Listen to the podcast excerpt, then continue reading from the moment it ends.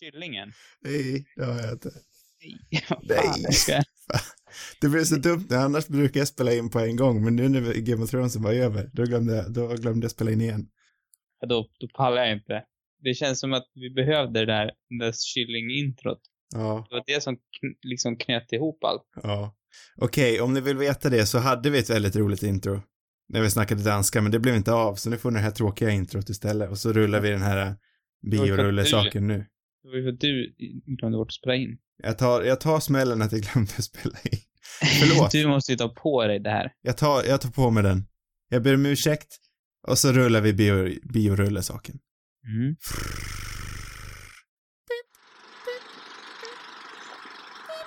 Och du kör manuellt bra.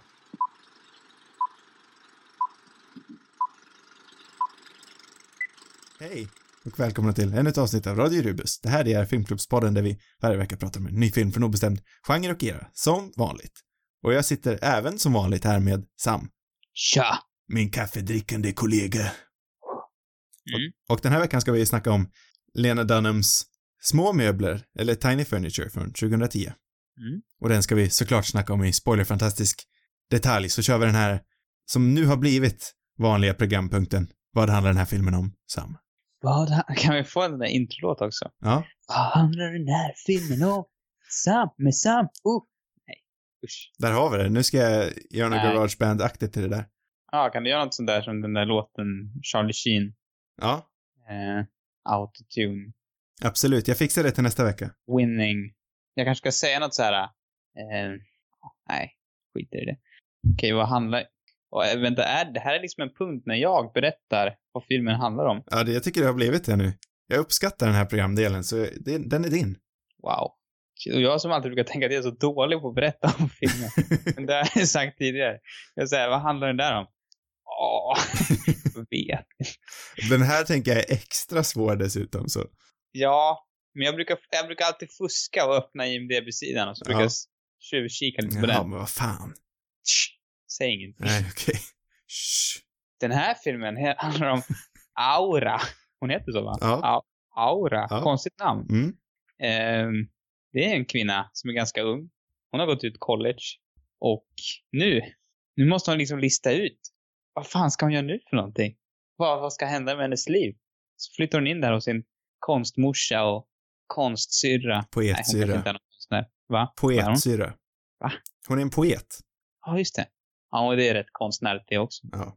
Nej, men det här, det är väl inte Lena Dunhams debut? Jag tror hon har gjort någon annan tidigare faktiskt. Ja, jag tror hon har gjort någon kortfilm och så här är hennes andra långfilm, tror jag. Mm. Men det här är väl genombrottet i alla fall. Mm. Och eh, ja, så det var, det, den är inspelad för en ganska låg budget som jag förstått det. Och eh, det är hennes mor och riktiga syster som spelar hennes mor och syster i filmen. Och eh, även de andra skådespelarna tror jag inte fick något betalt egentligen, utan det är liksom kompisar typ. Polare. Polare. Nej men det, var, det är väl det vi har om filmen egentligen, liksom handlingsmässigt. Ja, så det är ju en ganska, den handlar inte om så mycket egentligen. Nej. Alltså det känns, det känns lite som en pilot till Girls. på Mm, något vis. precis. Det känns som en Just mindre för att- raffinerad version av Girls. Ja, just eftersom också att, att Ray och Jessa, som de heter i Girls, de skådespelarna som spelar Ray och Jessa är med i den här filmen också. Mm, och även hennes mamma och syster ploppar ju upp i Girls. Ja, det gör de kanske, ja. Ja, jag kollade upp det. Jag kommer inte ihåg dem, men det gör de. ja. Hennes mamma visste jag inte om, men hennes syster låter mer bekant. Mm. Det är ju den där stackars systern hon, som var så kontroversiellt för att hon ska utsatt för Ja, just det. ja, mycket. Det, det vill jag gärna återkomma till senare. ja, jo, det gör vi. Absolut. Eh, nej men, en ny känns programpunkt, Sams kontroversiella hörna. ja den är bra.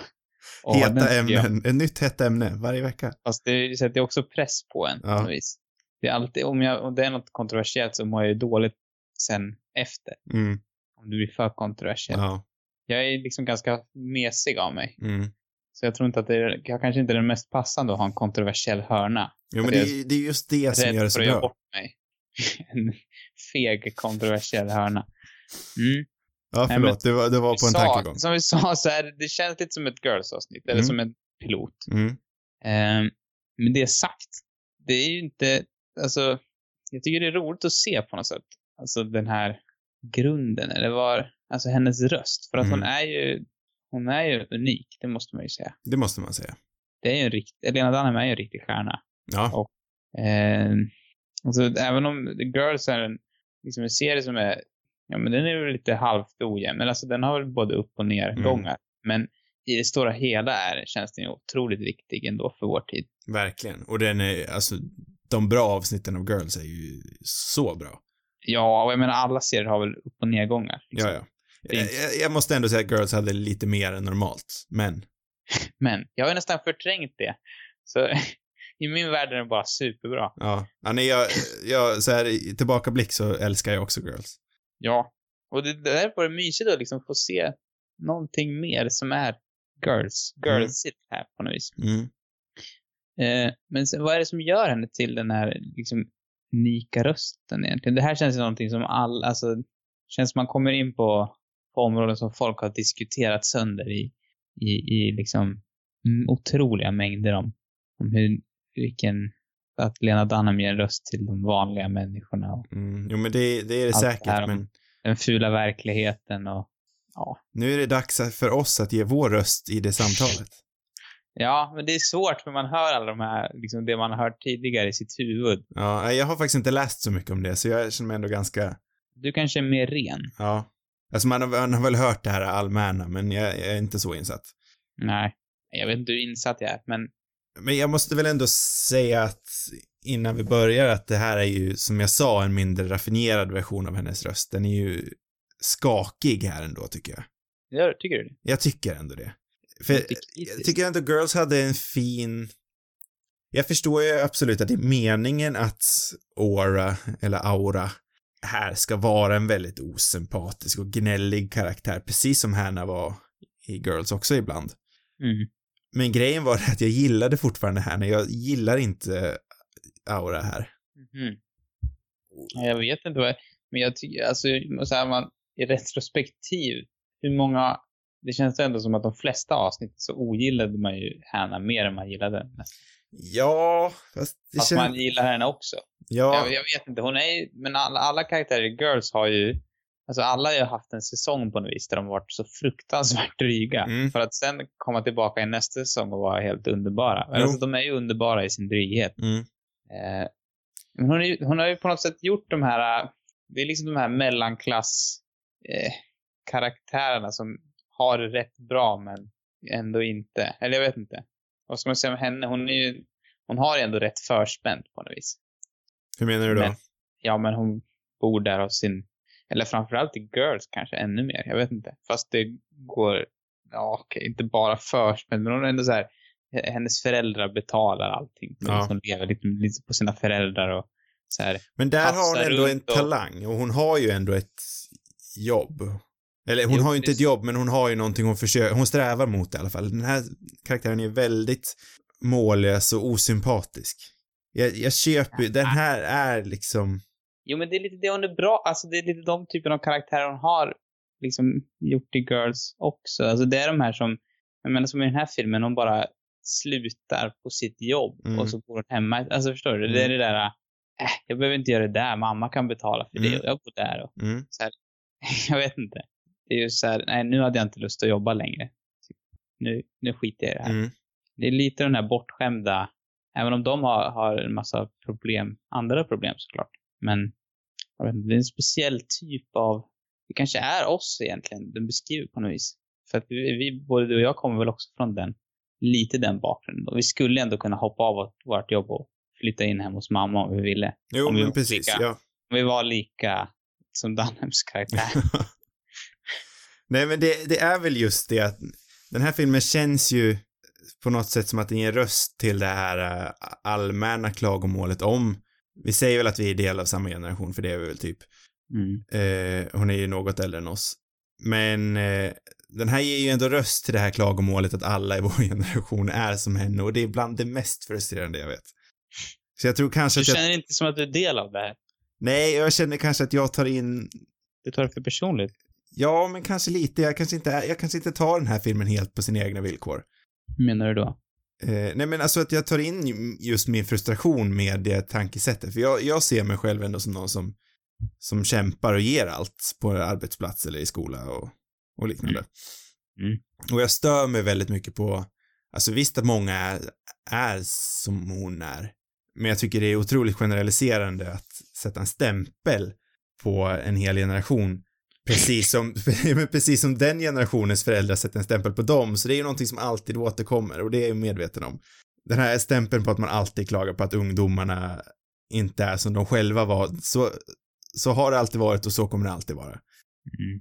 Och sen kan det också ha att göra med att jag, jag vet inte, jag kände mig inte riktigt sugen, även fast det var mitt val så kände jag mig inte riktigt sugen att se på filmen när det väl var dags. Vad valde du den för? För jag kände mig riktigt sugen då. det där är alltid jobbigt. Ja. Jag har varit i liknande situationer. Mm. Um, nej, jag tycker den här, jag vet inte vad man, det är liksom, det är, så, det är lite svårt att veta vad man ska säga för någonting, men den, jag tycker liksom det är en mysig film. Kanske för att man är liksom på något sätt bekväm med hennes värld. Mm.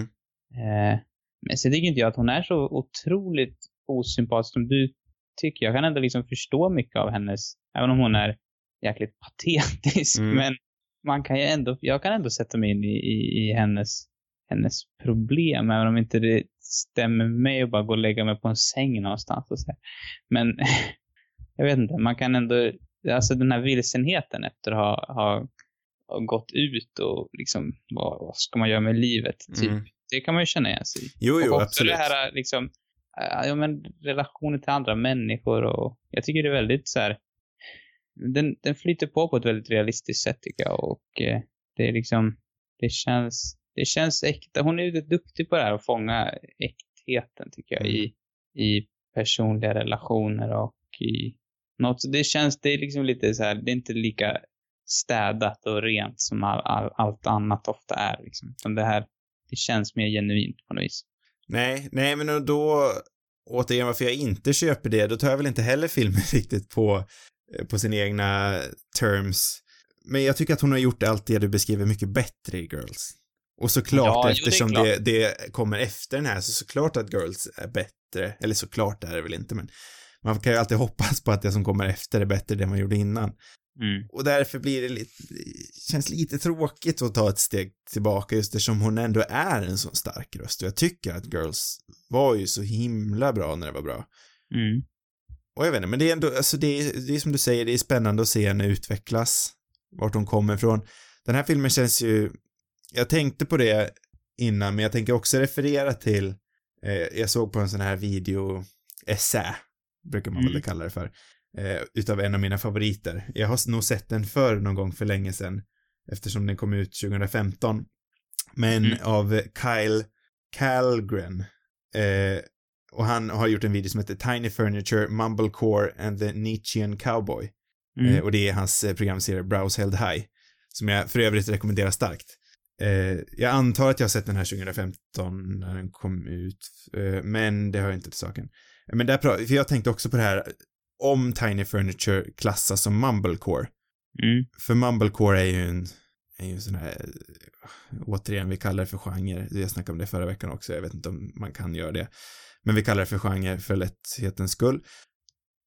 Men han menar då att den här Kan filmen... inte du ta, mum, vad definierar mumblecore egentligen? Ja, Mumblecore är väl egentligen väldigt billigt gjorda filmer med stildrag som liksom härstammar från den billiga budgeten. Man Mm. använder ofta karaktärer, eller skådespelare var- som inte har någon erfarenhet. Man har, Mm. man, i grunden har man väl oftast inte någon professionell erfarenhet själv, även fast man får det i längden då såklart ju mer Mumblecore-filmer man gör, så det är väl någonstans paradoxen. Mm. Eh, men också är de väldigt så här, namnet härstammar ju från att de är väldigt mumliga. Man, man liksom lullar sig fram lite. De, hipstriga skulle man väl kunna kalla dem för. In, in liksom... eh, improviserad. Improviserad dialog, eller? Ja, del, delvis det också. Eh, det var väl min, min flummiga, jag är inte en expert på mumblecore, men det var väl min flummiga du plast, du plast, ha till ja, ja, det är väl, det, den är väl kanske lite i samma, samma kategori som Tiny Furniture då, som han, eh, Kyle, Kyle Calgren, menade att den här filmen är post-mumblecore. Att Mhm. mumblecore liksom i sin natur som jag då sa att det liksom blir paradoxalt det här. Mumblecore kan bara nå en viss gräns innan det, den blir professionell. Mm. Eh, så att mumblecore är dött. Mumblecore kan inte existera något mer.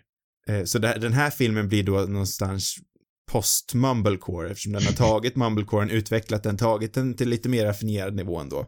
För den här är ju Ja. inte lika. Mumblecore ser ut som att man har filmat det på liksom en gammal, eh, ja men så här hemvideokamera. Mm. Den här filmen är, var filmad på en Canon någonting, så det är ju en vanlig systemkamera också. Men teknologin har ju nått så långt så att den här ser ju ändå professionell ut. Mm. Eh, och jag skulle väl ändå klassa, för Francis Ha har ju Mumblecore-rötter. Det är en Mumblecore-regissör, det är en Mumblecore-skådis. Men jag, jag, det är ingenting han pratade om, men jag skulle nog också hävda att Francis Ha är post-Mumblecore. Den kom ju 2012, så den kom ju till och med efter den här. Mm, precis. Jag eh, förstör verkligen allting han sa i sin video, men jag rekommenderar att ni kollar på den. Ja. Eh, ja, men det var det jag ville säga om Tiny Furniture och Mumblecore. Eh, för jag, jag var väldigt nyfiken på om den klassades som det.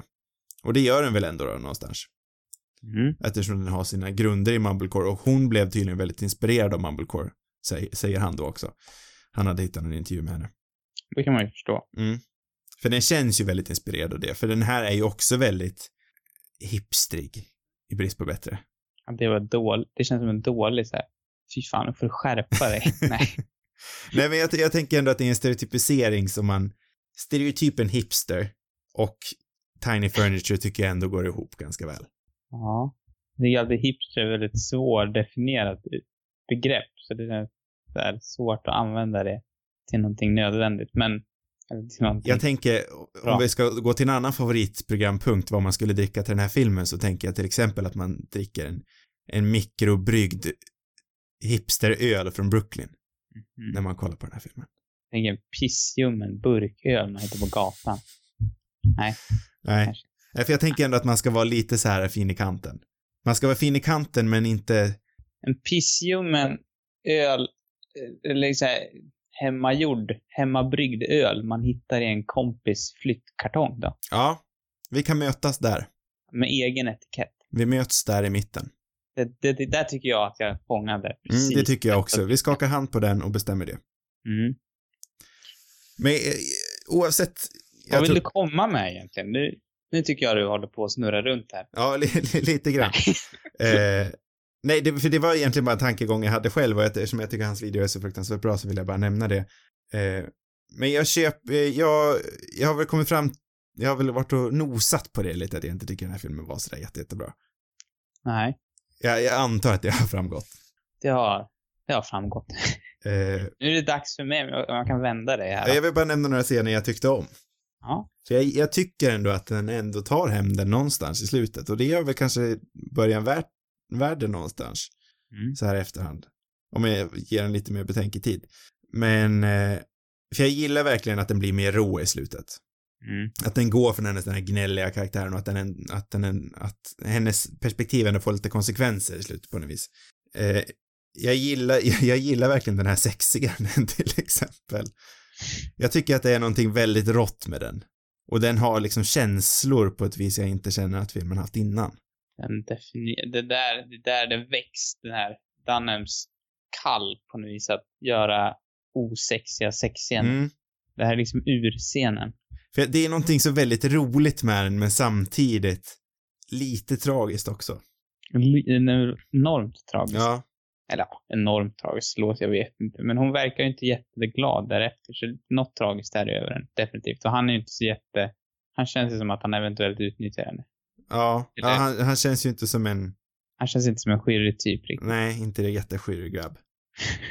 nej, men jag gillar även scenen efteråt när hon faktiskt lägger sig och kommer överens med hennes mamma i sängen där. Mm. Eh, och då har någonting hänt ändå, jag känner utveckling. Mm. Och jag gillar också att det har konsekvenser att hon ditchar, filmen får konsekvenser, därför kommer jag på ett bra ord. Mm. Konsekvenser sker ändå i tredje akten. Hennes kompis som hon bodde med på college där som skulle flytta ihop, eh, deras gemenskap slutar inte riktigt så bra. Det gillar jag. Mm. Nej, så den tar kanske hem det, men övertyga mig ännu mer. Shit. Jag vet inte själv om jag är övertygad av den här filmen. Alltså, jag tycker att den är bra, men jag har liksom inte riktigt sådär... Lämnar väl inget större jätteintryck, men det tror jag är för att man har sett Girls så man vet liksom... Det blir nästan repetitivt också på något vis. Mm. Man känner igen den här... Det känns ju verkligen som samma karaktär på något vis. Förmodligen till stor del för att, för att hon är så liksom, hon, det känns som att hon baserar väldigt mycket på sina egna erfarenheter. Och eh, jag vet inte, man, det, hade, det skulle vara intressant att se någonting som inte är, som inte känns baserat på hennes, eller det, jag vet inte, som är någonting helt fräscht eller annorlunda. Mm. Men den är fortfarande så här, det, jag vet inte, det är en, tycker ändå det är en välgjord film och jag tycker de liksom lyfter de där problemen och, och ja, karaktärerna är intressanta på något vis. Men jag känner mig inte jätte, jag är inte lämpad till att vinna det över direkt. Nej. Jag har inga liksom så starka argument till varför den här är så otroligt bra. För jag kollade lite på hennes IMDB vad hon har i, i kikan framför sig. Mm. Eh, I hopp av att det kanske skulle vara någonting annat än just det här ämnet hur svårt det är att ta sig ut i världen. Eh, Mm. Och, ja men just hur man hittar sig själv, för det är ju någonting hon verkligen verkar luta sig på. Mm. Jag, vet- jag vet inte, det, hon hade något projekt men det stod inte så mycket om det så det var ingenting värt att prata om. Men det här camping verkar vara en riktig flopp utan att veta någonting om det. Mm, tyvärr. Det är, eh, alltså, det är trist på något vis att den, att, eller jag tycker det känns, det känns som att hon har blivit liksom, hon har ju fått tag i jäkligt mycket skit. Mm. Ehm, och det tror jag har påverkat henne, för just nu vet jag inte ens vad hon gör för någonting. Jag tror hon till och med har haft någon break.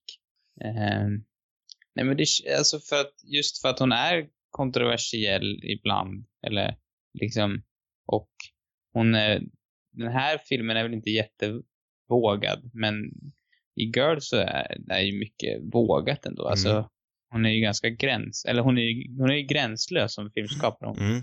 vågar ju ta upp jobbiga grejer och det är okonventionella Mm. förhållanden. Mycket och, tabubelagt. Ja, och om man, alltså det är mycket, man till exempel hennes relation med, med Adam Drivers karaktär i Mm. Girls, otroligt intressant. Verkligen. Och, och liksom, han är ju så, i ena stunden så otroligt obehaglig och liksom ett rent sagt svin. Mm. Eh, för att sen liksom, i, i något annat avsnitt så, det är som att det finns någon så här förståelse för honom också. Jag vet inte, det är väldigt spännande Absolut, framförallt dynamik mellan de två tycker jag är otroligt spännande. Men också, det, ju, det finns ju dynamik mellan olika karaktärer i den serien som är liksom intressant.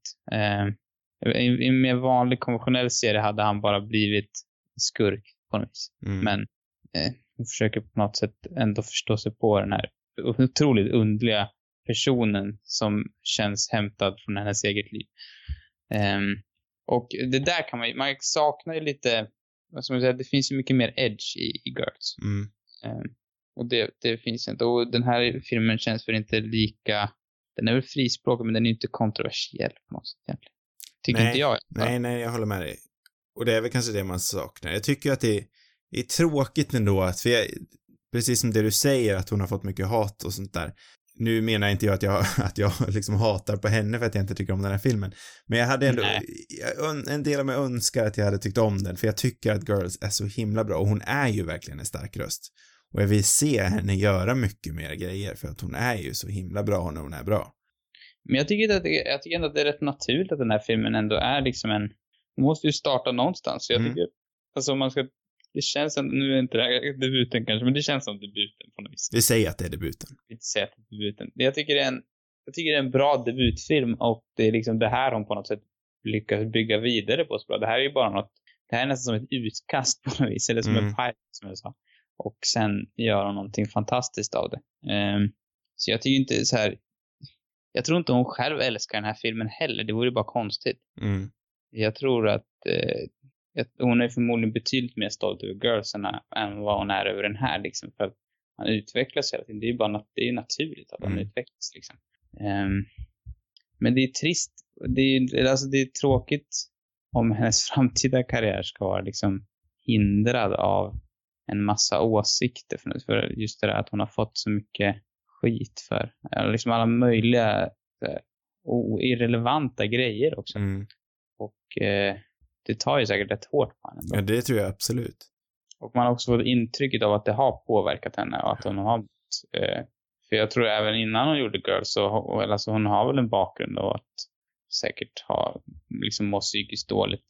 Och, av olika anledningar liksom. Ja, men för karaktären eh, Aura i den här filmen som började med sin YouTube-kanal, det är ju i princip henne.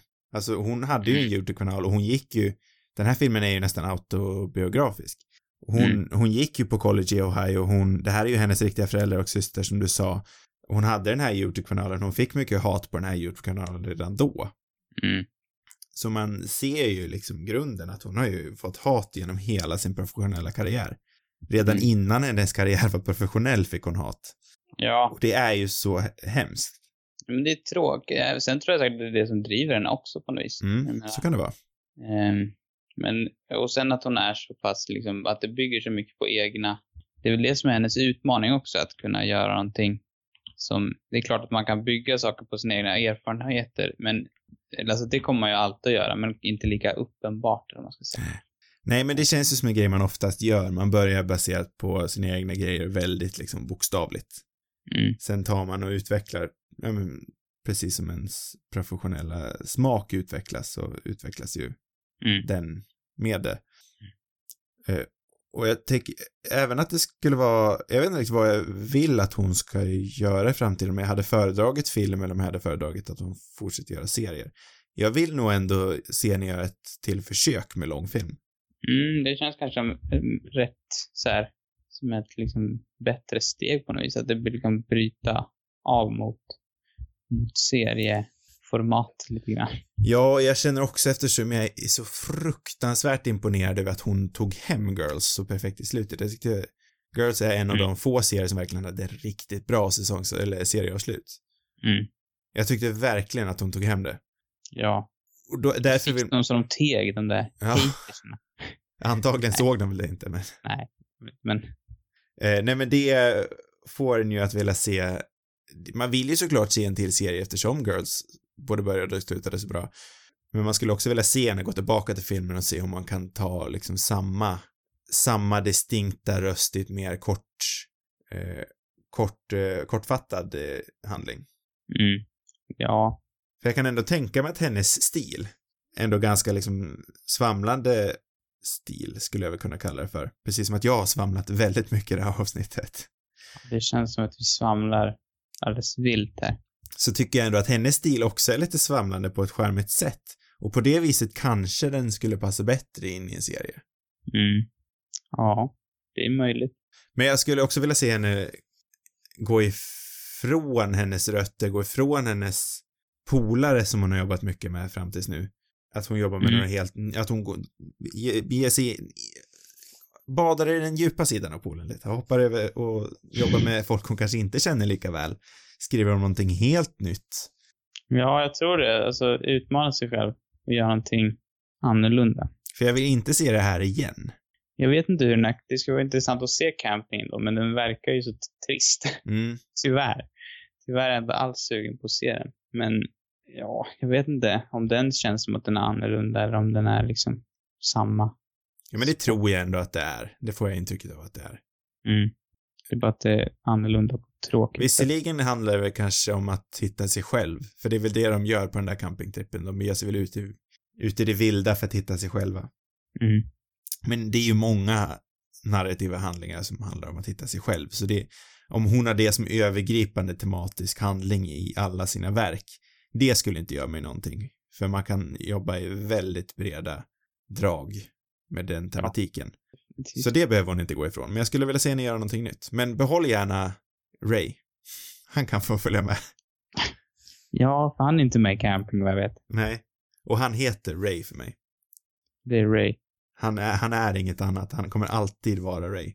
Ja, men han känns ändå som att han spelar en annan karaktär i den här filmen. Mm, faktiskt. Medan Jessa och och eh, ja, hon heter inte Jessa men det känns verkligen som att det är Hannah och Jessa i den här filmen. Ja, men det är ju lite så.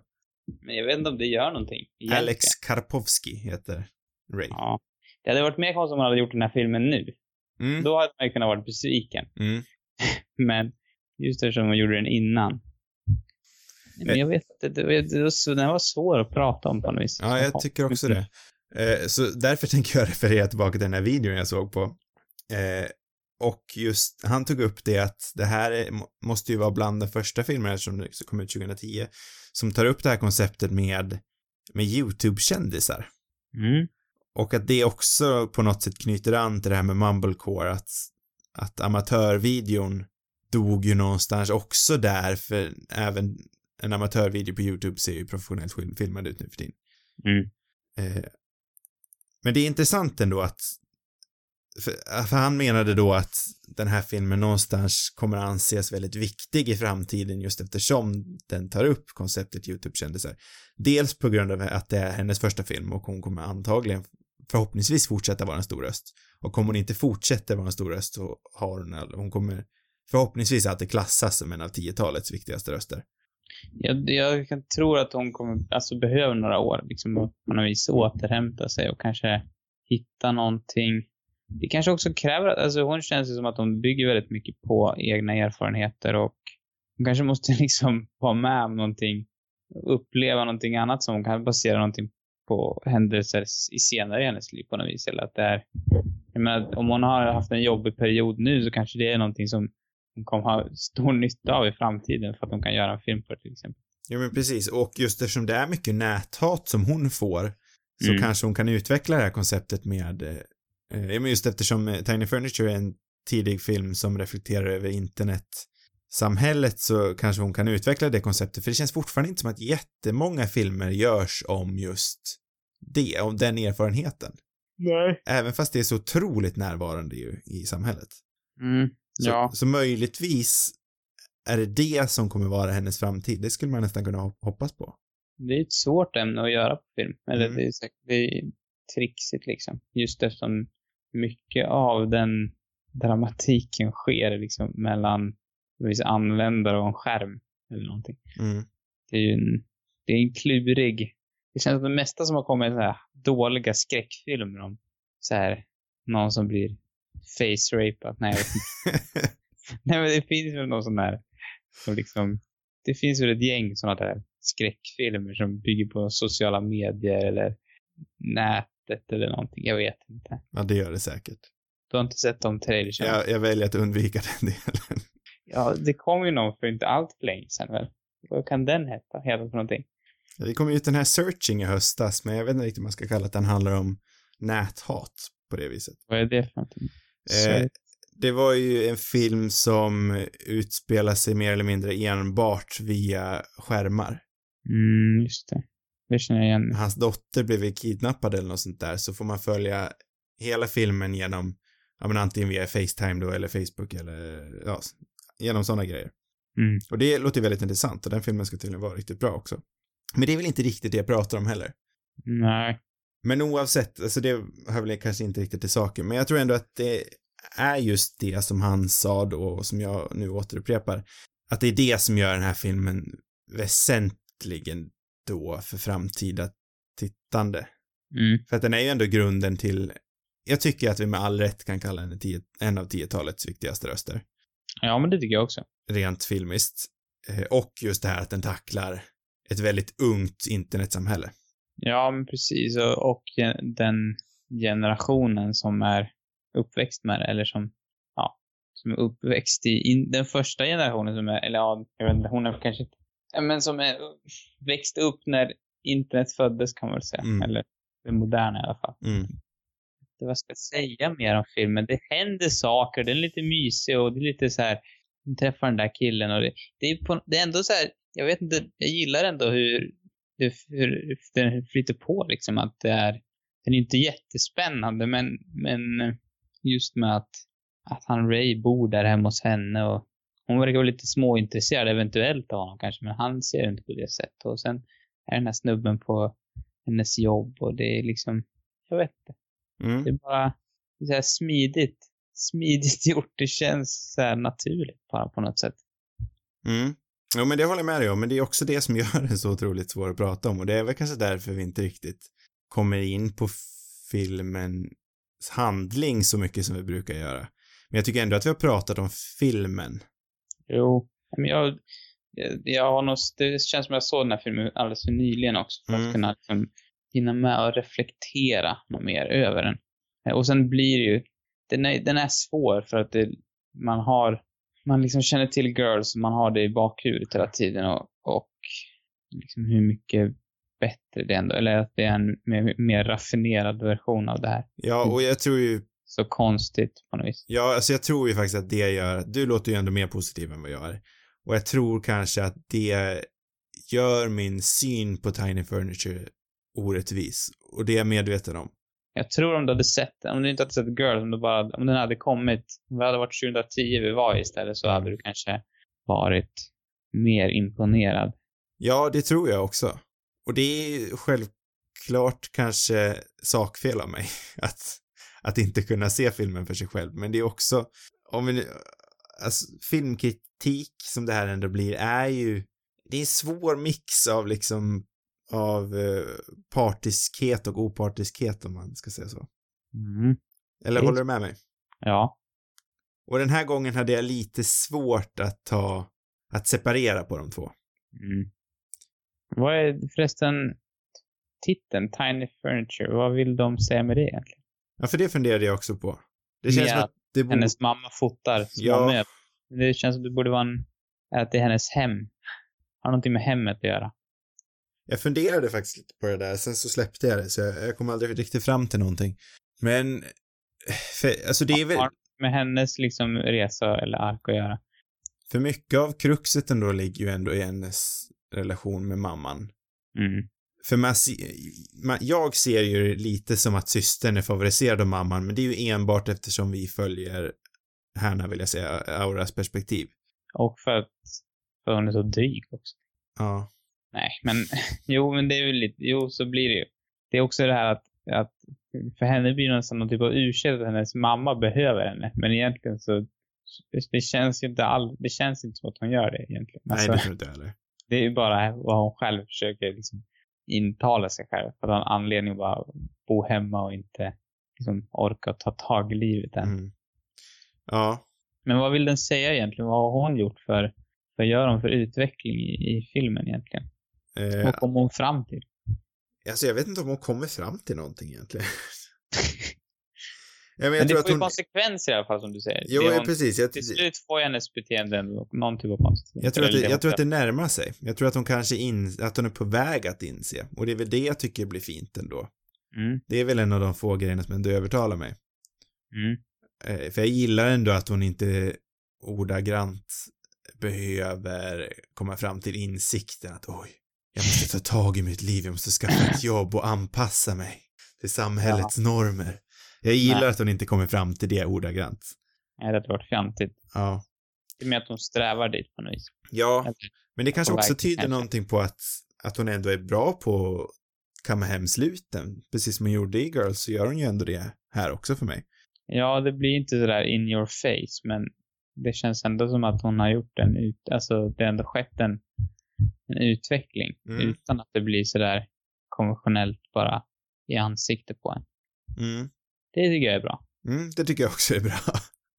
Det det tank, jag kikade ju på den här äh, mid-90s häromdagen. Ja. Eh, ja, men den känns ju också lite så här post-mumblecoreig.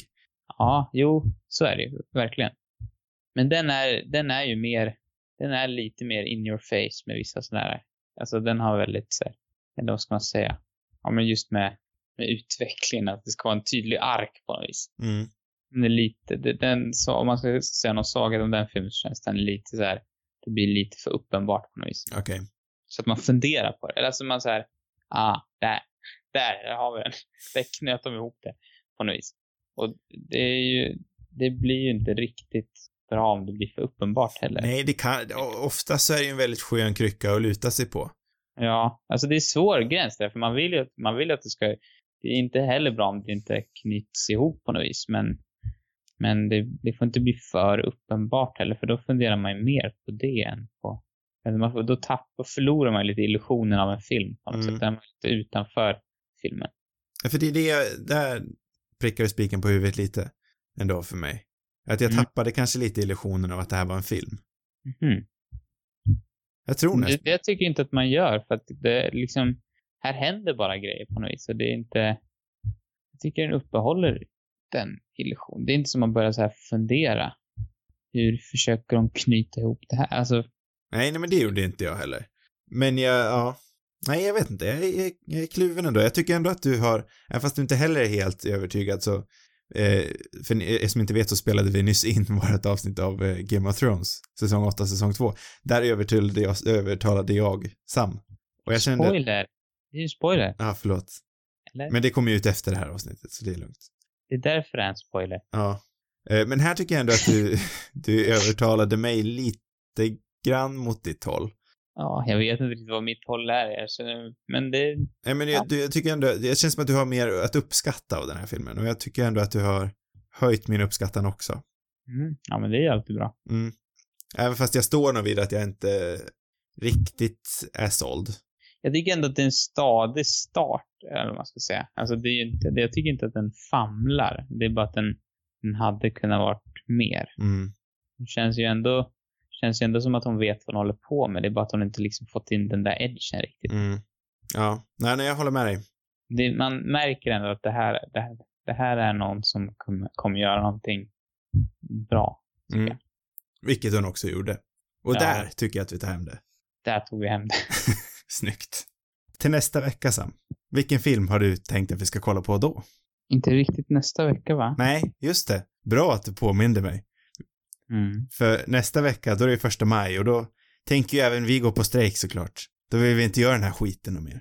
Nej, fy fan. Så då eh, har vi inget avsnitt. Men nästa fredag, då blir det ett normalt avsnitt. För då ska vi, då blir det ett normalt avsnitt av Radio Rubus Long Nights eftersom vi ska kolla på Game of Thrones. Det kan vi ju inte skippa.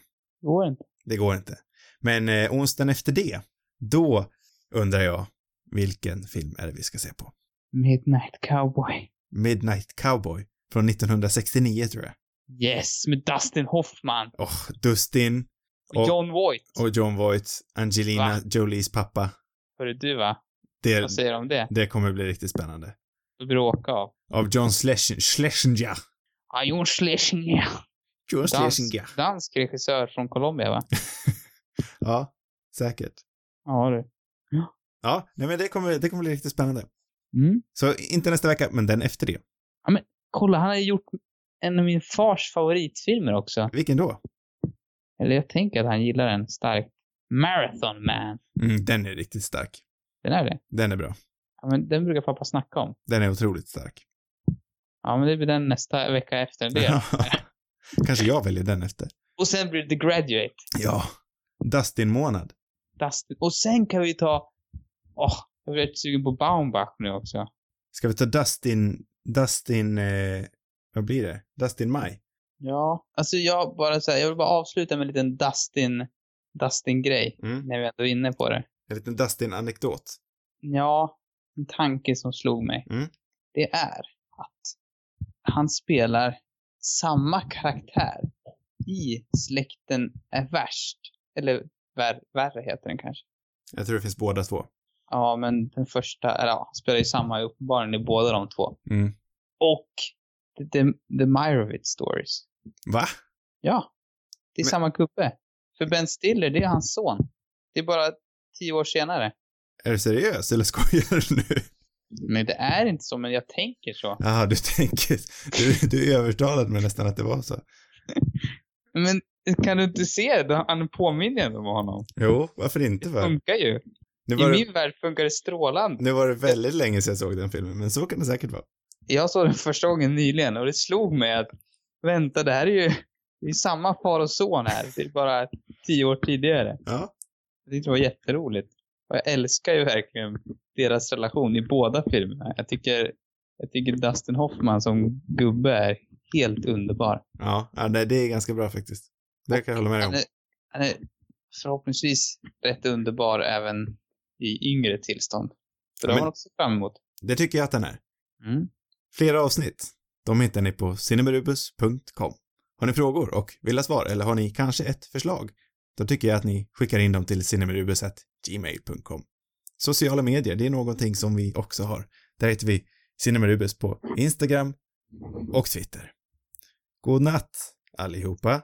God natt.